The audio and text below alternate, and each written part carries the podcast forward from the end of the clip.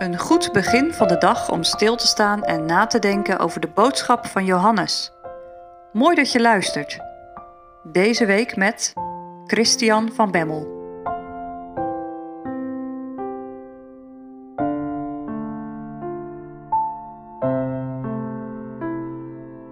Fijn dat je weer luistert. En wat was je antwoord op de vraag van gisteren? Zie je wel eens iets van de eenheid waar de Heer Jezus om bad? Ik ben eigenlijk best benieuwd naar je antwoord. Ik wil vandaag nog iets zeggen over die eenheid. Dat kan nog net, deze laatste podcast van de week. Eenheid kun je aan allerlei dingen merken. Bijvoorbeeld, als één iemand lijdt, dan lijden alle anderen ook mee. Ze dragen het mee. Is er wat vreugdevols? Iedereen deelt daarin mee.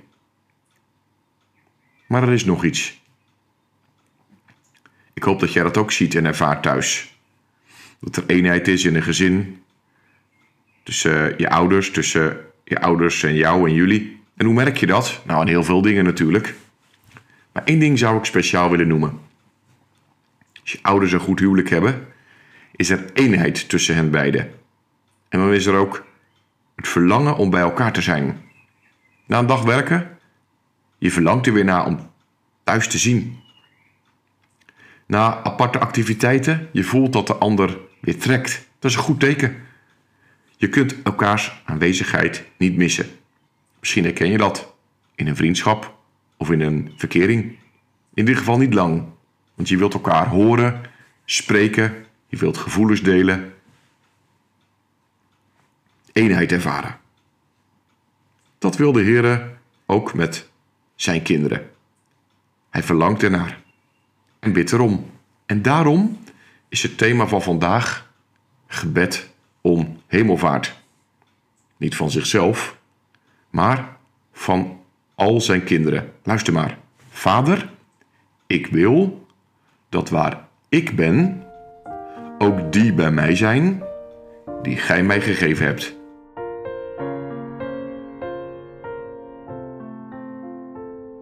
Dit is, zegt Luther, wel het meest troostvolle gedeelte van het gebed. Het is bestemd voor ieder die op Hem vertrouwt. Voor het ene kind van de Heere duurt het leven hier op aarde heel lang. Soms eindigt het al op kinderleeftijd. Maar de Heer Jezus wil ze allemaal bij zich hebben. Hij troost daarom ook met dit gebed. Ook al is het moeilijk, pijnlijk, verdrietig, vol raadsels, soms onbegrijpelijk in het leven, toch hoeft een kind van de Heer zich niet te veel te zorgen te maken waar hij straks naartoe zal gaan. Let op, dit is nu van de Heer geen gebed, maar hij zegt: Ik wil. En dan zegt Luther het zo mooi. Hij zegt: Laat dit tekstwoord een kussen zijn voor je moede hoofd en een donze bed voor je ziel.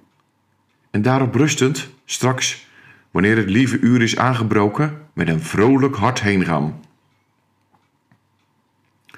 Om, wanneer we van alle zonde en tegenspoed en de macht van de duivel en de wereld bevrijd zijn, tot een eeuwige rust en vrede gebracht te worden. Wat een perspectief voor Gods kinderen. En waarom wil de Heer dat zijn kinderen bij hem zijn? Zodat ze zijn heerlijkheid zien. Ja, nu zien zijn kinderen ook wat van zijn heerlijkheid, maar Paulus zegt als in een spiegel. Als je in een spiegel kijkt, zie je een, eigenlijk een kopie, een, een beeld. Het is nog niet het echte. Dat moet nog komen. Dat zou hier op aarde trouwens niet eens kunnen. Want Gods heerlijkheid is veel te groot voor een zondig mensenhart. Mozes zag een keer iets van Gods heerlijkheid. En weet je hoe hij van de berg kwam? Weet je hoe het volk op hem reageerde? Lees het maar eens na in Exodus 24 en 34.